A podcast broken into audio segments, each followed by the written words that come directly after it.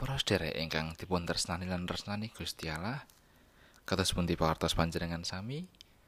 Mugi-mugi kita sedaya tansah pinaringan karahayon kasarasan saking Gusti ingkang Maha Kuwaos. Sumangga para sedherek ing kalodhangan menika sesarangan kita maos pangandikanipun Gusti lan kita raos-raosaken ing salabeting manah kita.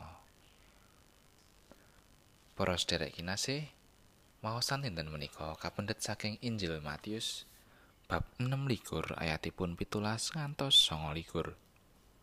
Matius bab 6 likur ayatipun pitulas ngantos songo likur. Semoga kita waos sesarengan. Ing dina wiwitaning riyaya roti tanpa ragi, para sakabate Gusti Yesus padha ngadep ing ngarsane lan matur. Karsa paduka kawula cawisi dawaran Paskah wonten ing pundi? Paring mangsulane Gusti Yesus. Menyang kutha menyang enggone si anu lan kandha. Dawuhipun guru wektuku wis cedhak aku arep marya paskah karo para sekabatku ana ing omahmu. Para sekabat banjur nindakake apa sapangandikane Gusti Yesus? Lan nyawisake paskah. Bareng wis sore Gusti Yesus banjur lenggah dahar bebarengan karo para sekabate rolas Sajrone padha mangan Gusti Yesus ngendika.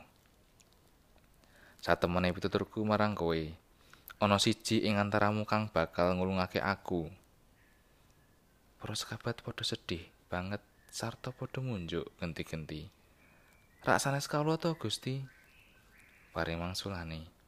Sing bebarengan karo aku nyelupake tangane ing pinggan iki, yaiku sing bakal ngulungake aku. Putraning manungsa pancen bakal linggar. Cocok karo kang katulis tumrap panjenengane. Nanging bilahi wong kang dadi margane putraning manungsa kaulungake. Luwih becik upama wong iku ora lair. Yudas kang bakal ngulungake Gusti Yesus matur. Raksane kawula to guru? Pangantikane Gusti Yesus kowe wis ngarani. Nalika padha mangan Gusti Yesus mundhut roti lan sawise diberkahi banjur dicuil-cuil sarta diparingake marang para sekabate pangandikane padha tampanana panganen iki badanku. Sawise mangkono nuli mundhut tuwung lan sawise saos syukur banjur diparingake marang para sekabate pangandikane padha ngombe kabeh ing tuwung iki sebab iki getihku Geting prajanjian kang kawutake kanggo wong akeh minangka pratandha pangapuraning dosa. Mung wae aku pitutur marang kowe. Wiwit saiki aku ora bakal ngombe maneh pamutuning wit anggur iki. Nganti tumeka dinane aku ngombe kang anyar bebarengan karo kowe ana ing ratoning ramaku. Makatan pangantikanipun Gusti. Dene ayat naskah pendet saking ayat sekawan likur A. putraning manungsa pancen bakal linggar.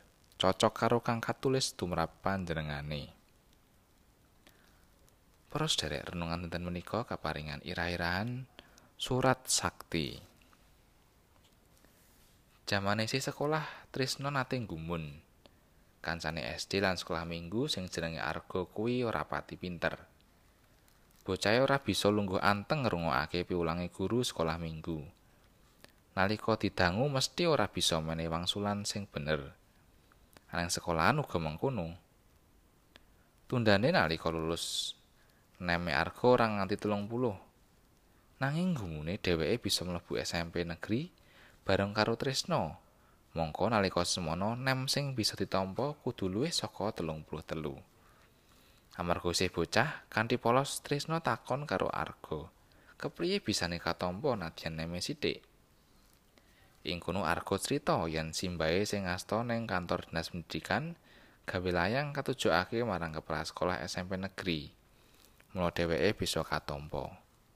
Oh, jebul nganggo surat sakti. Batine Trisno. Nabi Musa minder nalika kautus nemoni para pinituane bangsa Israel. Amarga wis nate ditampik saweneng wong Israel kang ngunangi dheweke mateni wong Mesir. Mula dheweke rumangsa perlu duweni surat sakti kaya dene kancane Trisno mau. ban supaya diajeni lan ditampa. Apa saiki awake dhewe uga mbutuhake surat sakti? Sing mangkono iku mung digoleki dening wong kang minder kaya dene Nabi Musa lan sing gegayuhane luwih dhuwur katimbang kekuatane.